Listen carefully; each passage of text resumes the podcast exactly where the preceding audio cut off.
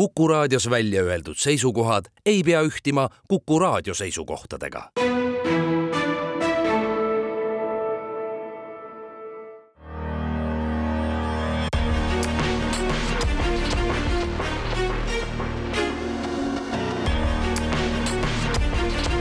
välismääraja.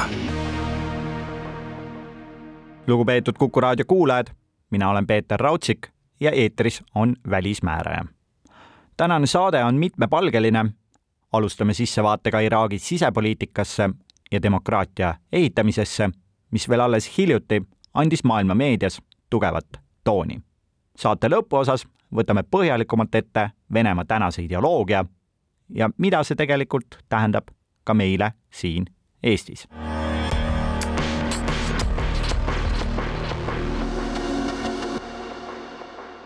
Iraak on riik, millest oleme viimased kaks aastakümmet harjunud kuulma pigem negatiivses konfliktide ja ohtude kontekstis. USA sissetungi järel puhkenud sõda Saddam Husseini kukutamiseks, äärmusislamismi tõus Iraagi aladel, niinimetatud islamiriigi vormis, kõik see oli pikalt peamiseks sealse uudisvoo allikaks. ja eestlasedki olid toimuvaga tihedalt seotud veel enne isegi NATO-ga liitumist meie kaitseväelased osalesid äh, liitlasvägede koosseisus Iraagi sõjas juba üsna algusest peale. kaks tuhat kolm kuni kaks tuhat kaheksa oli operatsioonis Iraagi Vabadus üksteist Eesti jalaväerühma koos toetuselementidega. ja tegelikult on ju hiljem ka nenditud, et Iraaki minek kiirendas meie alliansi vastuvõtmist äh, märkimisväärselt. nüüd, kui saabunud on rahulikum aeg, võib Eesti turismiettevõtetega minna näiteks bussiga ringreisile Iraaki, avastamaks iidse Mesopotaamia saladusi, kuid ka poliitilises plaanis on põnevaid kontakte uute kohalike liikumiste ja noortega. selles valguses on mul hea meel stuudios tervitada poliitilise kommunikatsiooni nõustajat Annika Arrast, kes viimasel ajal on ise korduvalt Iraagis just sel põhjusel käinud. tere! tere, tere! aga alustamegi sellest, et sina ei ole käinud turismireisidel, äh, kuhu täna saavad kõik eestlased rõõmsalt äh, minna Iraaki, vaid oled käinud seal tegemas hoopis teistsugust tööd. Äh, räägi natukene paari sõnaga, et millega ja millised kontaktid need on? jaa, no mu esimene käik sinna mõned aastad tagasi oli muidugi ähm, sellise emotsioon, sellisest emotsioonist kantud, et äh, ei tea, kas ikka tasub minna. sest et ähm, äh, kuigi sa ütlesid, et, et üldiselt täna saab bussireisile ka minna, siis ma arvan, et need inimesed, kes sinna reaalselt turismireisile lähevad, Neid on ikkagi üksikuid, sest et see, see suur pilt äh, Iraagist jätkuvalt kipub olema äh, täpselt see, mida sa enne kirjeldasid, et selline, nagu ta oli kakskümmend aastat tagasi nii et, ähm, et jaa, et ma läksin kindlasti sinna esimest korda niisuguse teatava kuidas ma ütlen, kerge võib-olla ärevusega hinges, aga samas huvi oli nii suur, et, äh, et ei ka öelda ei saanud. nii et jah, ma äh, olen seal teinud tööd äh, nii kodanikuühenduste kui ka siis selliste noorte tärkavate ja Iraagi kohta äärmiselt liberaalsete erakondadega päevauudistesse Iraak äh, jõuab siiski märksa harvem äh, nüüd äh, võrreldes varasemaga, aga jah, igav Põhjamaa ta kindlasti ei ole veel, nagu sa ütlesid ka. kui sa võtaksid need kokku praegu, et millised selle riigi siis need väljakutsed on, et noh, kui ma ise mõtlen tagasi, viis aastat tagasi oleks kohe olnud vastus ISISe alistamine, ISISe alistamine, ISISe alistamine ja siis võib-olla naabrite ohjamine natukene. aga mis see täna need peamised siis väljakutsed äh, on? no need ongi need äh, argielu probleemid, mis seal täna on, mis ei ületa niivõrd palju uudiskünnist, mistõttu eks see meie pilt ongi, ma ütleks, tugevalt väärastunud selle riigi kohta, mis, mis seal tegelikult toimub. aga tänased mured on eelkõige seotud vaesuse ja mm, ellujäämisega sellises igapäeva toimetamises. et äh, riik on noh, tervikuna ikkagi sõltuv äh, eks ole, nafta ekspordist äh, lausa vist üle, üle kaheksakümne protsendi, eks ole, riigieelarve tuludest tuleb sealt äh, ja niipea, kui maailmaturul toimuvad mingisugused muutused või erinevatest muudest liikumistest tulenevad äh, kas või mingid embargo situatsioonid, siis äh, nad on nii kergelt haavatavad ja, ja see omakorda siis teeb selle elamise seal äärmiselt ebastabiilseks, et noh, see on nagu üks pool, teine pool on see, mm, arvan, et Iraak on üks nagu valus näide riigist, mida päriselt kliimamuutused on hakanud tugevalt mõjutama. Ja teatud piirkonnad on äh, muutunud äh, selliseks, et seal ei ole enam võimalus viljeleda midagi ja teine selline ellujäämise vahend seal riigis siis lisaks sellele naftaekspordile on ju tegelikult põllumajandus. ja needsamad äh, iidsed Mesopotaamia alad äh, on nii-öelda läbi aegade peetud kõige viljakamaks äh, piirkonnaks ja, ja sealt siis noh, praeguses oludes on veepuudus teatud piirkondades muutunud nii suureks, et inimesed lihtsalt kollivad üha järjest enam linnadesse Äh, ja, ja see selline kui üldpilt on selline, et vaesed jäävad järjest vaesemaks ja rikkad saavad järjest rikkamaks. ehk et siit jõuame võib-olla kolmanda suure teemani, mis on korruptsioon. Äh, mis, mis pole sealt kuskile kadunud ja võitlus sellega ikkagi aeg-ajalt, kui ma seda pilti vaatan, tundub kohati täiesti lootusetu ma arvan, me jõuame veel ringiga selle korruptsioonini selle vestluse käigus tagasi, aga kui nüüd korraks seda poliitilist pilti vaadata ja seda demokraatiat, mida sinna Äh, kõigepealt äh, viidi äh, jõuga, mille vastuvõtmine ei kulgenud üldse, üldse, üldse lihtsalt, kuid tänaseks on ikkagi meil olnud ka Iraagis olukord, kus valimised on toimunud ja võimulolija on taandunud rahulikult ja andnud võimu üle järgmisele võimukandjale niimoodi, et vahepeal tegelikult relvakonflikti ei puhkegi, et mingi selline demokraatlik muutus justkui on seal olnud kuidas sa seda Iraagi demokraatiat äh, kirjeldaksid ja kas seda üldse on mõtet läänega võrrelda? võib-olla mingi niisugune õrn võrdlus on asjakohane, aga, aga üks-ühele võrrelda ei saa, sest et see just nimelt see ajalugu ja areng,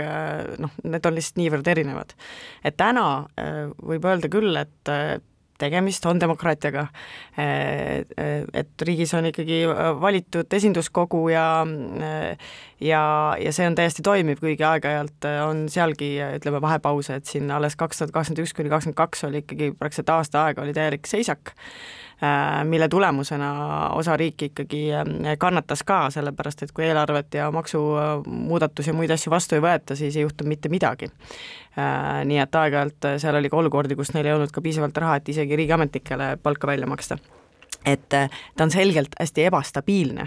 aga, aga teisest küljest siiski demokraatlik, sellepärast et noh, nagu sa ise ka ütlesid, et noh, päris püssidega seda enam lahendamas ei käida. ja mis on minu arust hästi nagu oluline märk, et, et, et demokraatia märk on see, et siin on ikkagi esimest korda äh, tekkinud tõsiseltvõetav opositsioon kuigi see opositsioon on hästi fragmenteerunud ja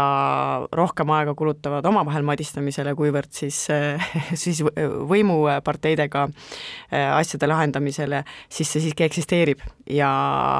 ja näha on, et annab päris palju ka sellist nagu lootust ja usku just nooremale põlvkonnale. No üks asi, mida on välja toodud ja ma arvan, et see on selles mõttes oluline just demokraatia selle põhimõtte juures, et kus me räägime ikkagi enamuse äh, võimust, et ja läbi valimiste see enamus saab selle mandaadi, et Iraagis jätkuvalt ikkagi kehtib ka selline Araabia riikides mujal ka levinud, näiteks Liibanonis, äh, see muhassassa printsiip, mis siis kuulajale väga lihtsalt ära selgitades tähendab seda, et mingid ametikohad ei sõltu tegelikult demokraatiast ja valimistest, vaid need on ära määratud äh, mitte inimeste mõttes, aga selles mõttes, et millisele etnilisele grupile või religioossele grupile äh, see peab äh, minema. ja väga lihtsa näitena riigi president Iraagis peab olema kurd, äh, peaminister peab olema šiiit ja parlamendi spiiker peab olema sunniit. ja siin ma näen seda vastuolu demokraatiaga, et kuidas nende opositsiooniparteidega, ütleme nende progressiivsemate noortega kas nad tahavad sellest üle saada või nad saavad aru, et see ongi mingi nende kultuurile omane või kuidas nemad selle printsiibiga suhestuvad? no seesama noor demokraatia, kes, mis sinna tekkinud on, äh, mingis mõttes sellesama ähm, korra vastu ju tekkiski, et see oli ikkagi, et opositsioon tekkis tänu protestile äh, siis äh, sellesama nii-öelda juba eos ära jagatud siis nii-öelda ma ei tea, valitsemispositsioonide vastu. sest see algselt, kui see tehti, see ju, see kord loodi vahetult peale siis ameeriklaste invasiooni siis selle eesmärk oli ju tegelikult ikkagi luua mingisugune niisugune etniline tasakaalustatus, et nad omavahel saaksid läbi, et igaüks saab midagi, küll aga siis kahekümne aasta jooksul on see tegelikult loonud olukorra, kus, kus igasugune selline tõsiseltvõetav muutus on võimatu, sest et noh, toim-, toimub lihtsalt nagu väga selge niisugune eh, kihistumine või võiks öelda lausa klannistumine, kus noh, mõned inimesed saavad otsustada, mõned ei saa üldse otsustada, nii et selles mõttes jah, see, see demokraatia sõna on, võib-olla omab erinevat värvingut seal. Aga jah, needsamad noored äh, erakonnad, kes seal nüüd nüüdseks eksisteerivad juba, juba nii mõnigi aasta,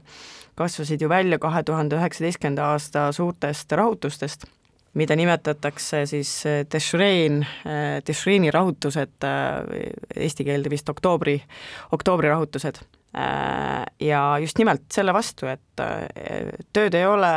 raha ei ole, toitu ei ole ja, ja kuskil on keegi, kes otsustab meie elu üle ja see lõpuks viis noored tänavatele. aga palju vahetumalt on ju ajalooliselt olnud kogu aeg seotud äh, sellega, mis Iraagis sees toimub, tegelikult Iraagi naaberriigid. ja me teame ja üldine arusaam on ju see, et Iraanil on väga selge mõju äh, Iraagi šiiitide üle saudidel näiteks vastukaaluks siis sunniitide üle. aga siingi nagu nende protestide käigus minu arust juhtus huvitavaid asju, et äh, ka Iraagi noored šiidid, kes siis läksid selle kehtiva süsteemi vastu, äh, põletasid Najafis maha äh, Iraani konsulaadi, mis paljudele siin analüütikutele oli, noh, tõesti pani kukalt kratsima, et kuidas nüüd nii ja kes need ikkagi olid. et kuidas sulle tundub, kas nende lähemate naabrite äh, see mõju ja tihtipeale negatiivne mõju, mis seal varasemalt on kogu aeg olnud, kas ka sellele tahetakse nüüd vastu seista või tegelikult nähakse selles ikkagi võimalust ja toetusõlga, et oma positsioone nagu läbi suruda? Ma arvan, et see nii ja naa sõltub, äh, mis perspektiivist vaadata. et ma arvan, et need noored inimesed hakkavad natuke rohkem muutuma ka võib-olla siis äh, teiste riikide noorte laats-, laadseksteks, et nad on nagu maailmakodanikud, kellel on olemas interneti arusaam, äh, milline elu mujal võib olla. nii et, et noh, et, et kui see näide, mis sa tõid, et šiidid põletasid Iraani siis saatkonna maha, siis, äh, siis see võib olla kantud hoopis teistsugustest äh, väärtustest ja, ja need niisugused vanad mustrid seal puhul enam ei, ei toimi. aga, aga naabritega on nii jah, et et noh, seal on niisugune, ma ütleks, niisugune hirm ja armastus nagu samaaegselt. et, et ühtpidi on neil vaja häid suhteid naabritega puhtalt sellepärast, et see on, see on ikkagi turvalisuse küsimus Äh, sest noh, Iraani nad ikkagi pelgavad seal, et äh, noh, ja ajalugu on näidanud, et on ka põhjust peljata. aga teisest küljest on ka see, et, et see, mis neid naabritega on ühendanud, oli ikkagi siis ju võitlus äh, islamiriigi vastu ja, ja see on jällegi selline, sel-, see teine pool turvalisusest siis on ju, üks pidi, üks on see kaitsta iseennast, aga kaitsta siis naabritega ennast ka siis nende nii-öelda väliste vaenlaste eest, kes on siis piiriülesed. et ja no kolmas on majanduslik pool et äh, hetkel on ikkagi, ma arvan, et nii Saudide, Iraani kui ka tegelikult Türgiga äh, on ikkagi kõik, mis puudutab äh, siis naftat, aga ka maagaasi, on, on hästi oluline neile, eelkõige see, et neile tekiks majanduslik stabiilsus sest et noh, Kurdistanis on ka praegu just nimelt keeruline sellepärast, et Türgiga on pikka aega olnud vaidlus üleval, et kas, kas, kas, kas ostame või ei osta, eks aga tulles korraks selle äärmusislamismi teema juurde ähm,, no siin võib minna, kui sügavuti minna, siis me tegelikult hakkame nägema hoopis teistsuguseid jooni ka sellest, et äh, kus see ikkagi päriselt äh, käima läks ja on ju analüüsitud, vaadatud, et tegelikult see tõuge äh, tuli hoopis ikkagi Süüriast ja Süüria kodusõjas see kasvas välja, Iraak lihtsalt nagu sai hõlmatud sellest, et Iraak ei olnud justkui probleem. aga kuidas tundub, kas koha peal nagu tajutakse, et see äärmusislamismi probleem on nüüd ISISe alistamise järel lahendatud ja see on nagu minevikku jäänud või tegelikult on kuskil hirm, et äh, äärmuslased tulevad tagasi? No kui seal niisugust argipäeva vaadata, et äh, inimesed, kes äh, käivad tööl ja mõnikord äh, kohvikus äh, ja nendega sellist äh, niisugust äh,, väikest juttu ajada, siis sellist hirmu seal äh, küll ei ole. Äh, ja, ja kui, kui inimesed äh, välja, väljaspoolt riiki siis tulevad ja räägivad, et noh, teil on siin ikkagi ohtlik ja kuskil ju põõsas on ikkagi terroristid, siis äh, et see on natukene nagu rohkem selline nagu pilkekoht sellisel hetkel, kuulge, et te ei tea midagi meie elust. ja et ma arvan, et sellises ütleme, keskmise niisuguse iraaklase nagu igapäevaelus see ei ole täna teema. küll aga on seal sisemiselt tekkinud igasuguseid muid grupeeringuid, ähm, keda võib-olla ei peeta nii väga terroristideks, aga kes tekitavad hästi palju segadust. et kui oli ka, kui oli ISISe vastas, vastane võitlus, siis seal ju tekkis ju väga palju ka vabatahtlikke selliseid rühmitusi, äh, sellised äh, ma ei tea, vabatahtlikud kaitsjad, nimetame siis neid, kes, kes ju tegelikult kodukaitse. kodukaitse, jah, kodukaitse, kes ühendas jõud selleks, et siis äh, ISISe vastu võid-, võidelda, aga ega nad ei ole sugugi kadunud ja mõned neist arvavad äh, ka, et noh, nemad on need, kes peaksid kuskil piirkondades korda looma. nii et selliseid pistelisi niisuguseid äh, äh, segaseid olukordi toimub seal ikkagi pidevalt, pinged pole kuskil kadunud, aga nad on nagu laiali mööda riiki võib-olla siin olekski Eesti Kaitseliidul paslik minna iraaklasi õpetama, et kuidas oma malevkondi organiseerida ja milliseid ülesandeid nendele anda. aga teeme siin kohal lühikese pausi ja naaseme õige pea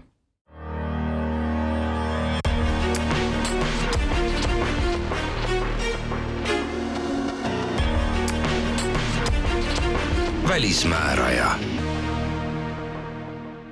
välismääraja jätkab, mina olen saatejuht Peeter Raudsik ja stuudios on külas poliitika kommunikatsiooninõustaja Annika Arras, kellega räägime Iraagist. me lõpetasime selle segapuntraga, mis Iraagi sisepoliitikas toimub. Iraagi parlamendis on parteisid ka ikkagi teistmetes, et see pilt on tõepoolest kirju ja nagu sa mainisid ka, tegelikult opositsioon on killustunud, eh, aga kahe tuhande üheksateistkümnendal aastal nende protestide käigus, mis seal toimusid, eh, me juba rääkisime, et toimusid sellised vana kooli mõttes nagu uued asjad, eh, mingid uued lojaalsussuhted hakkasid tekkima ja tegelikult siis seesama nii-öelda oktoobri liikumine, mis sealt kerkis nende protestide käigus sai päris palju tähelepanu ja tegelikult koondas kuidagi seda uut äh, mõtet, vähemalt nii mulle tundus. et äkki sa oskad nagu selle liikumise ja organisatsiooni äh, kujunemist kokku võtta ja kuidas nad täna siis nüüd mitu aastat hiljem seal opereerivad? no see Tishuriini liikumine tegelikult ei ole organisatsioon, see on liikumine, mis, mis koosnes väga paljudest erinevatest äh, sellistest noortegruppidest või ka siis äh, kuidas ma ütlen, maailma vähe võib-olla siis avatumalt nägematest äh, inimestest, kes äh,, kes hakkasid siis oma seda äärmist frustratsiooni välja elama. et äh, aga sellest äh, ja sellest kasvas välja tänaseks on seal, ma arvan, et nagu rohkem kui kümmekond, üle riigi ilmselt veel rohkem, siis kas siis sellist kodanikuühendust või mõned neist on tänaseks ikkagi juba ka registreeritud erakonnad, kes on jõudnud ka valimistel osaleda ja, ja ka parlamendis täiesti edukalt kohti saada. nii et, et mingis mõttes oli see, see oktoobri protesti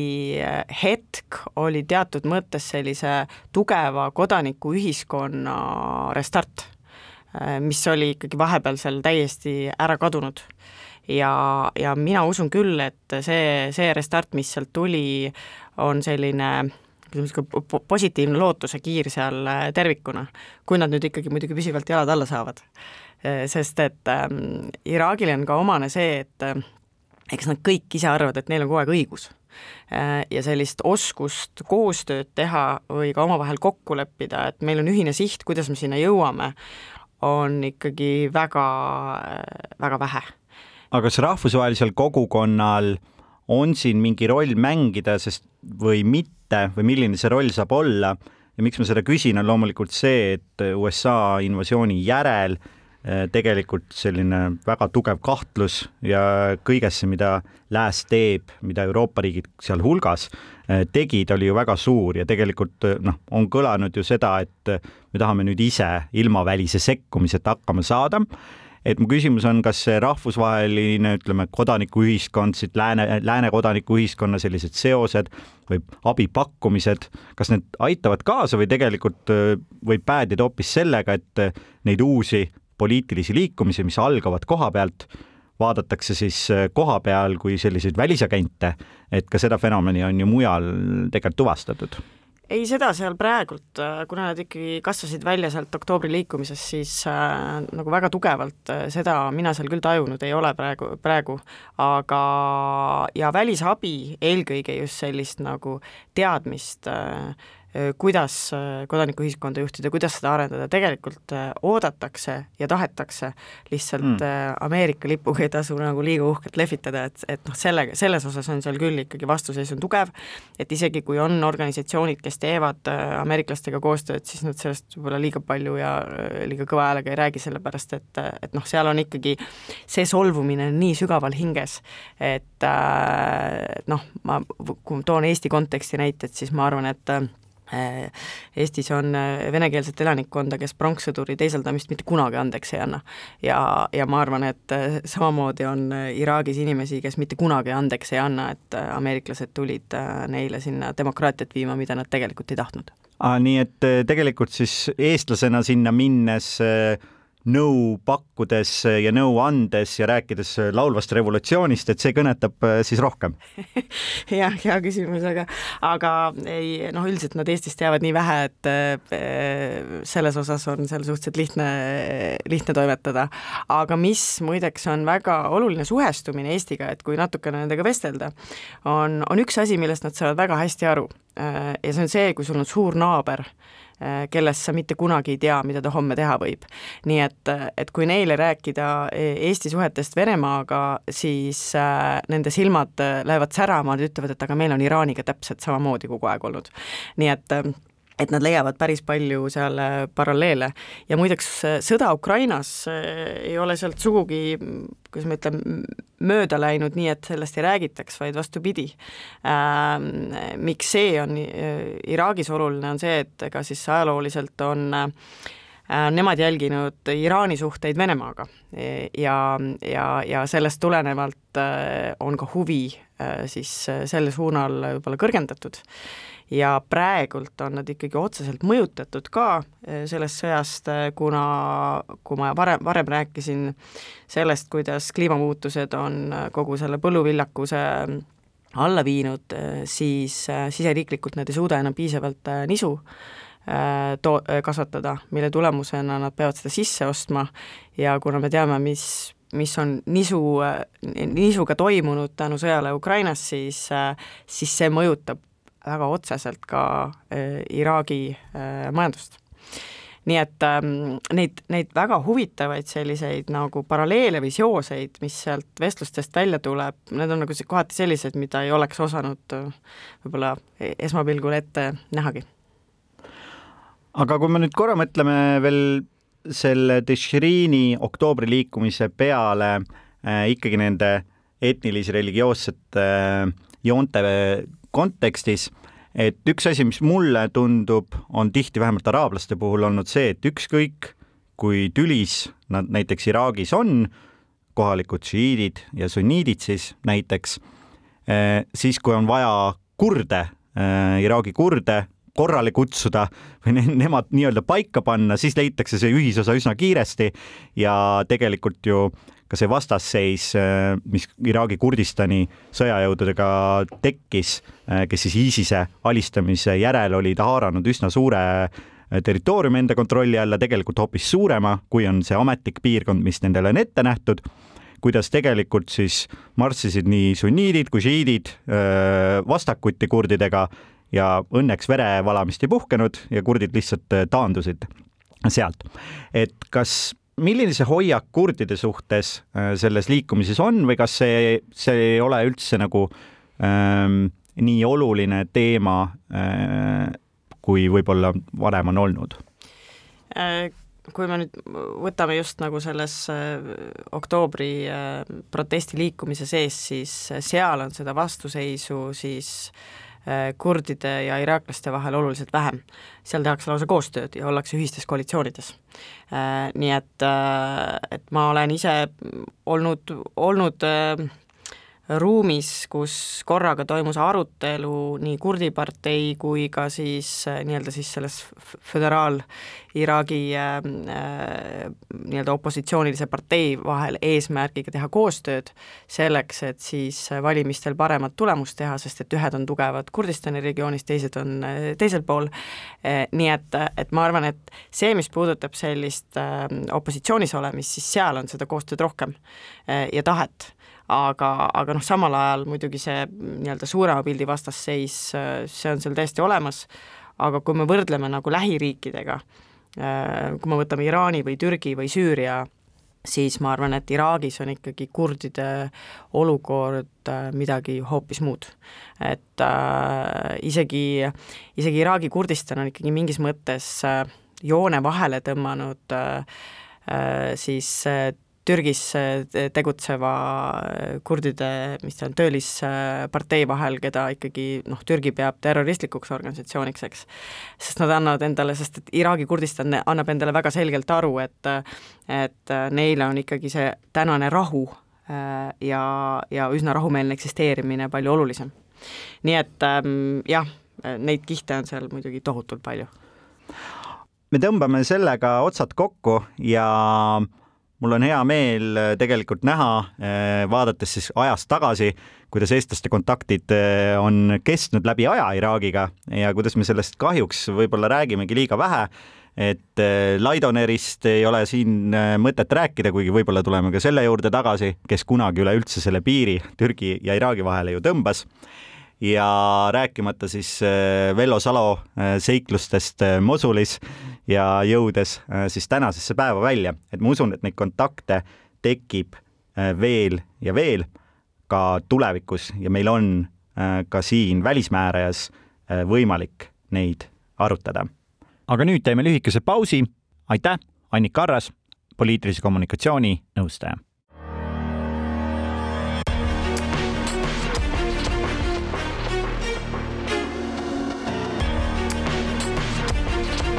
välismääraja.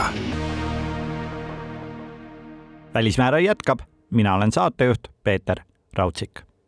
Vene võimude ideoloogia on Ukraina sõja taustal saanud teenimatult vähe tähelepanu. samas on selge, et mida kauem lahingud kestavad, seda olulisemaks muutub inimeste vaimu ärksõna hoidmine ja mõtte mobiliseerimine. selles valguses on mul hea meel nüüd stuudios tervitada Kremli võimuaparaadi ideoloogilisi lähtekohti kajastanud äh, Mart Lättet, tere! tere! millised on siis tänase Venemaa ideoloogia sellised peamised tugisambad, millele see on äh, üles ehitatud? no ütleme niimoodi, et neid sambaid on omajagu. kogu selle ideoloogilise pläusti, mida seal praegu toodetakse, eesmärk on tegelikult, nii nagu ütleme, ka minust väga palju targemad inimesed on äh, märkinud, praeguse režiimi kindlustamine, võimule jäämine ja see, et inimestel oleks siis mingisugune ühtne idee selle taustal, kus äh, sõjast tingituna elu Venemaal, noh tegelikult juba tükk maad enne sõda, ütleme pärast Krimmi sanktsioonid, on elu Venemaal, ütleme jätkuvalt läinud tavainimesel halvemaks, millest johtuvalt siis ongi olnud vaja üha enam panna rõhku ideoloogia kaardile ja kui vaadata nagu neid äh, üldisi jooni, mis seal on, siis äh, üks nagu niisugune läbiv, väga täpne joon on vastandumine läänemaailmale, äh, siis Vene kõikvõimaliku eripärade rõhutamine, üritatakse kaasa haarata ütleme niimoodi, niisugust kolmandat, noh, nõndanimetatud kolmandat maailma ja Venemaa üritab endast teha niisugused, ütleme, kolmanda maailma äh, või ütleme, niisuguse USA vastase, USA juhitud lääne vastase koalitsiooni juhtoinast. selleks kasutatakse väga, ütleme, laia spektrit igasuguseid vahendeid, ajalugu, rõhutakse valulistele ajaloosündmustele, noh näiteks kui me räägime globaalse lõuna ka-, noh nõndanimetatud globaalse lõuna kaasamisest, siis äh, räägitakse kolonialismi kaarti, mängitakse hästi palju, venelased ise rõhutavad hästi palju, kuidas äh, nemad ei ole kunagi kedagi koloniseerinud, mis on täielik jamps, sest kui me vaatame Vene impeeriumit, siis see puhtakujuliselt on tegelikult koloniaalimpeerium, mis erineb lihtsalt lääne koloniaalimpeeriumist selle poolest, et äh, lääne koloniaalimpeeriumid olid üle mere, aga Venemaa on lihtsalt koloniseerinud enda lihtsalt järjest naabruses asuvaid alasid. ma olen ise tegelikult kirjutanud äh, täiesti artikli ja käinud ka kohapeal Californias, kus oli Vene asundus ja tegelikult äh, Vene selline koloniaallinn kunagi siis paarsada aastat tagasi, nii et tegelikult nad jõudsid ka kaugemale kui ainult siis maismaale. noh jah, ja Alaska ka siiski, olgem ausad, mis kujutan ette, et äh, võis neil päris paras šokk olla, kui nad maha müüsid ja siis natuke pärast seda avastati sealt kulda. lisaks veel ka nafta. aga mm, kui me nüüd korra proovime võrrelda neid sõnumeid, mida saadetakse mm, siseriiklikult ja mida siis saadetakse äh, venelastele väljapool äh, Venemaad mis need peamised erinevused on ja kas siin on mingid rõhuasetused, mis ühes kohas töötavad ja mida teises tegelikult siis keeratakse maha? no tegelikult seal mulle on mulje jäänud, et jõhkrat erinevust ei ole, suhteliselt sarnased sõnumid, mida siis vastavalt auditooriumile võib-olla tuunitakse. et huvitav näiteks ongi see, et äh, noh, mitte ainult venelastele, vaid üldse väljapoole. näiteks kui me räägime just sellest nõndanimetatud globaalsest lõunast, seal rõhutatakse kolonialismi, sellest, kuidas lääs on väga halb ja samal ajal näiteks huvitav on see ju, et äh, näiteks Euroopas samal ajal on Vene üks niisugune jutupunkt see, kuidas äh, noh, või ütleme, võimendatakse kõikvõimalikke äh, äärmuslikke poliitilisi liikumisi, mis muuhulgas kasutavad just äh, nõndanimetatud, ütleme, globaalsest lõunast lähtuvat ohtu, ehk siis pagulasi, ja samal ajal venelased siis toetavad neid liikumisi, kes äh, on pagulasvastased, ehk siis seesama globaalne lõuna näiteks, kellest ühest otsast nad kasutavad niisuguse äh, kaardina lääne vastu ja samal ajal siis äh, läänes kasutavad sedasama kaarti selleks, et enda niisugusele konservatiivsele pagulasvastasele, niisugusele parempoolsele ideoloogiale toetust saada. ja noh, teine asi, mis on, on väga oluline see, et igal pool välismaal hästi palju venelased rõhuvad, noh, ka mitte ainult välismaal, rõhuvad russofoobiale, ehk siis kõikvõimalikud mis iganes Vene-vastased sõnavõtud, ükskõik kui õiged või valed need ka ei oleks, alati on russofoobia. Ja see on nagu huvitav, et see tegelikult on läinud täiesti, see on isegi nagu ajalooliselt juba niimoodi kujunenud, et praegu näiteks äh, endine kultuuriminister Medinski on äh, märkinud seda, et ka kõikvõimalik, noh, see on niisugune suvaline näide russofoobiast lihtsalt, et kuhu, ütleme, selle russofoobia äh, kaardiga minnakse, on see, et äh, Medinski on ajaloosündmustest rääkinud, kus on, ütleme, mingid reisikirjad, mis kirjeldavad Venemaad. Ja siis äh, kui seal on Venemaad mingit moodi halvasti kajastatud, siis põhimõtteliselt Medinski arvates on see juba ka russofoobia ilmingud kaugetest-kaugetest aegadest nii et see russofoobia tegelikult läänes Vene vaatest on siis pikaaegne fenomen, et see ei ole ka nüüd viimase aja sellise viimasel ajal tekkinud? ei, see ongi, et äh, kui vaadata seda Vene, ütleme, ideoloogia üks sambaid on ka see, et tuleb enda erilisust kaitsta lääne vastu, kui vaadata, ütleme, viimase aja mingisuguseid õppematerjale kas või mida on toodetud, siis äh, seal on hästi suur äh, erinevust, rõhutatakse lääne ütleme, niisuguse pehastunud maailma ja Vene maailma vahel, kus Vene maailm on siis väga orienteeritud traditsioonilistele ja moraalsetele väärtustele ja selle poolest siis läänest väga üle. ja sellepärast siis ka ajalooliselt näiteks tõstetakse püünele selliseid Vene valitsejaid, kellega Putin siis ennast vahepeal üritab samastada, või keda, kelle ütleme, niisugust nagu kultust üritatakse luua, kes on siis Venemaad justkui lääne vastu kaitsnud. noh, näiteks äh, Aleksander Nevski, Ivan Neljas, kes kõik võitlesid äh, lääne vastu ja mis on viimase aja nagu huvitav, on see, et noh, Peeter Esimene, kes justkui on tegelikult traditsiooniliselt Venemaal väga palju nähtud ütleme, niisuguse läänestajana, kui nii võib öelda, siis alles hiljuti äh, ma nägin mingisugust äh, patriarh Kirilli väljaütlemist, kus nüüd üritatakse ka Peetrist teha lääne vastast, et patriarh Kirill suutis kuidagimoodi äh, ka Peetri, noh, ütleme Peetri puhul välja, noh, Peeter küll jah, võitles Rootsi vastu, aga samal ajal ta oli mm, liidus nii mõnegi lääneriigiga tolle aja mõistes, aga samal ajal nüüd siis patriarh Kirill üritab Peetrist teha samamoodi läänevastase võitluse mingisugust äh, tegelast. et niisugune läänevastasus on niisugune juba sügavalt äh, niimoodi Äh, Vene propagandas ja Vene ideoloogias hästi tugev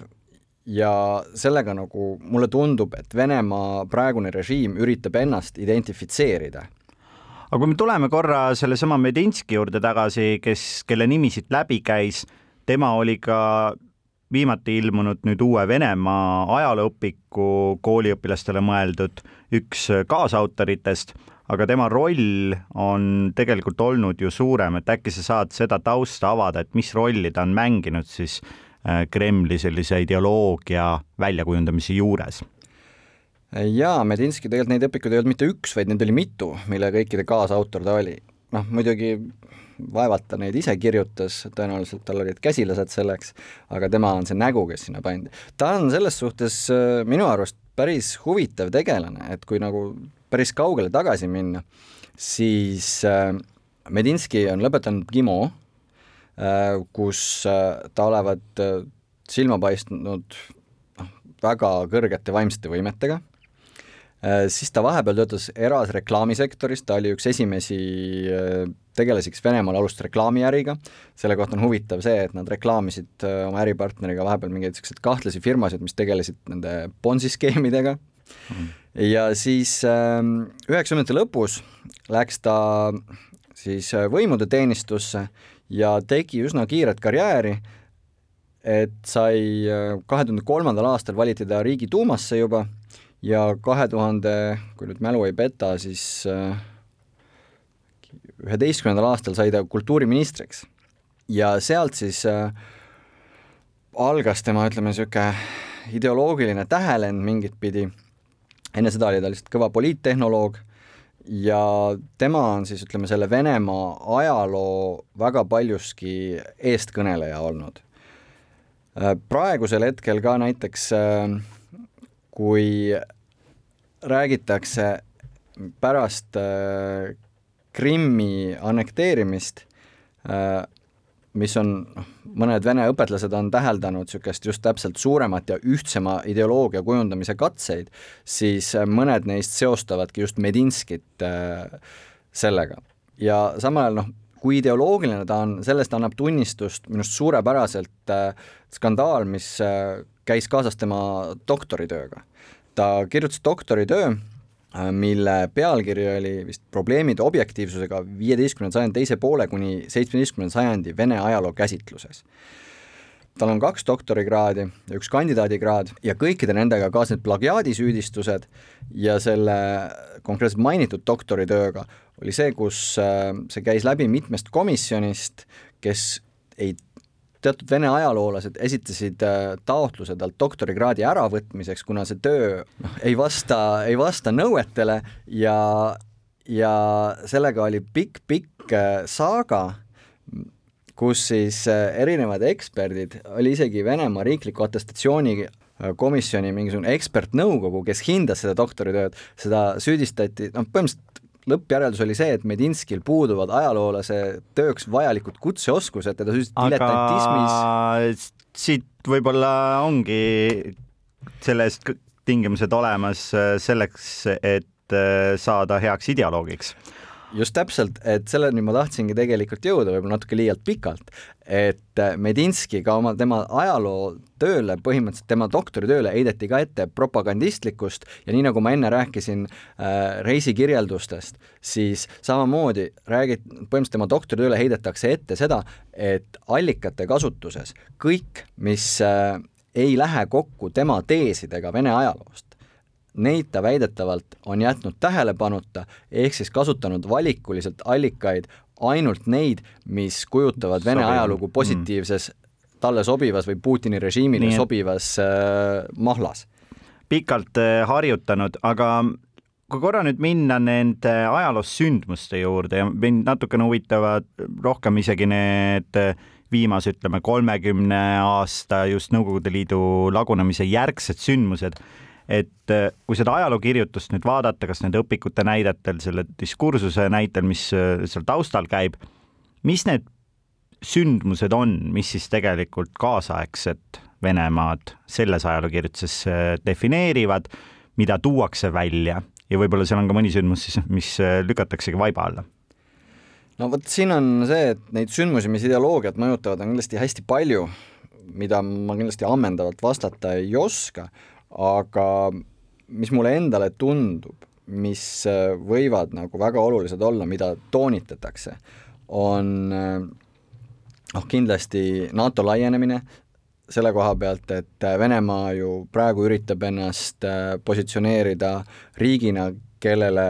ko-, keda, kes on ümber piiratud NATO poolt, mis on ju jaburus, sest kui vaadata kaarti, siis no okei okay,, nüüd tänu äh, sõjale Ukrainas äh,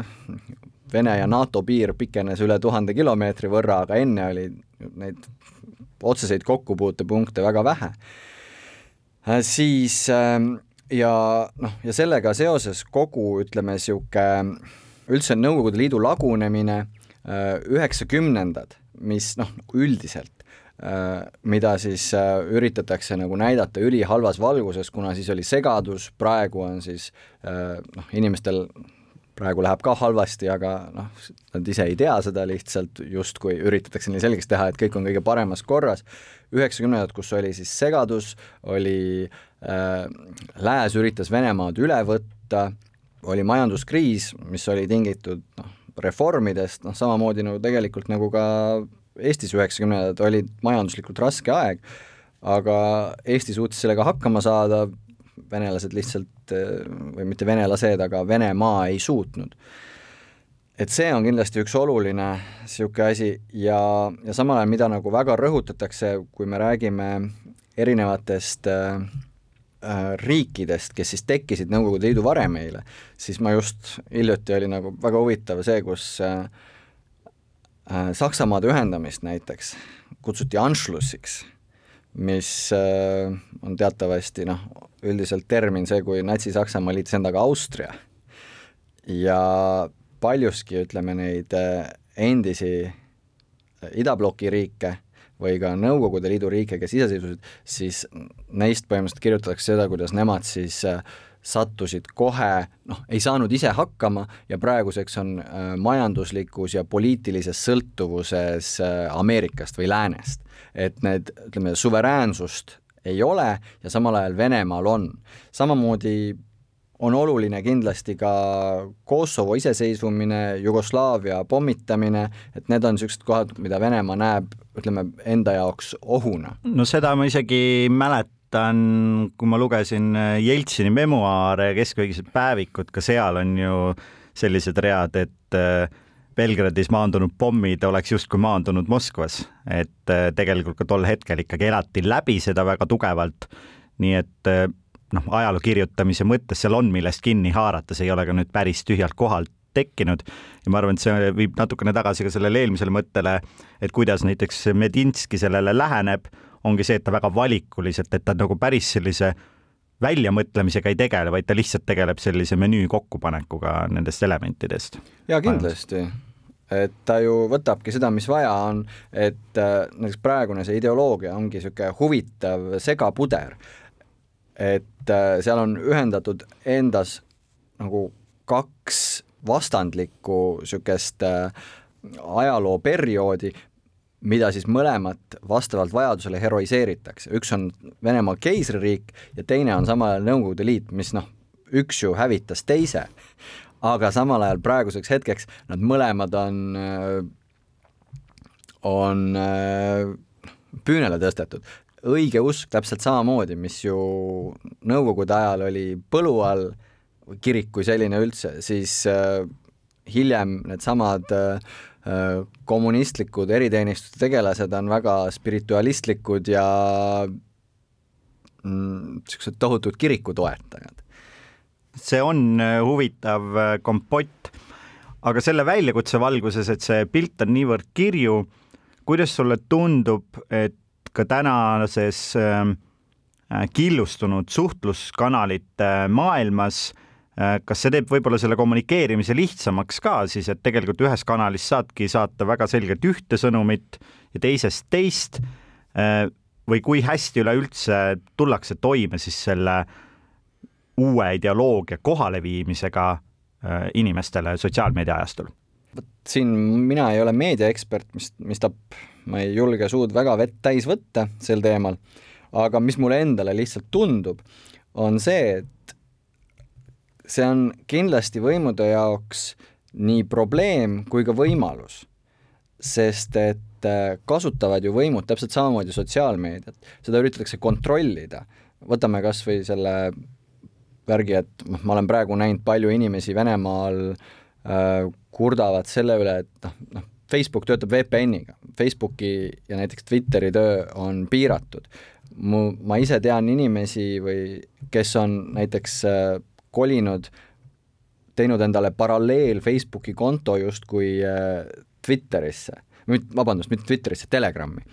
et äh, ongi niimoodi, et nad ei postita sinna muidugi mitte ilupilte, vaid äh, pigem nagu niisuguseid analüüse ja mõtteid praegu Venemaal toimuvast ja siis äh, näiteks kardavad seda, et Facebook keeratakse kohe nii kinni, et sinna ei olegi võimalik saada. Ja siis neil on niimoodi, et täpselt paralleelsed tekstid copy paste itud nii Telegrami kui Facebooki. aga kui laiemalt võtta, siis äh, venelased üritavad seda kindlasti kontrollida, seda on väga raske teha, sest et see kogu meediumite hulk on ju nii lai. Ja mida rohkem infot, seda keerulisem seda kontrollida, aga siinkohal näiteks ma arvangi just, et kui võtta näiteks see haridusvaldkond, siis koolis peavad ju kõik käima. et see on suurepärane leiutis neilt, et enne praeguseid neid ajalooõpikuid väidetavalt Venemaal ei olnud niisugust ühtset kindlat riiklikku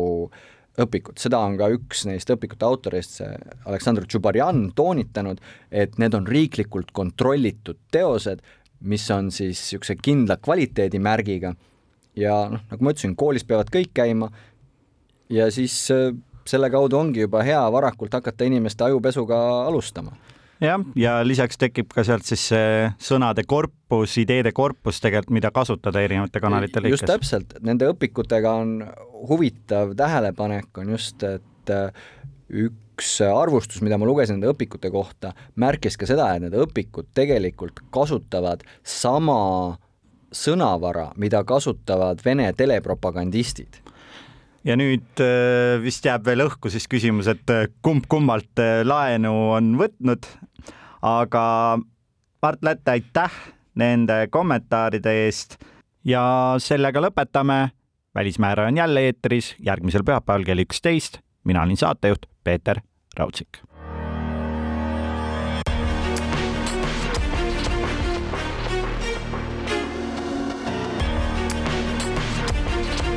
välismääraja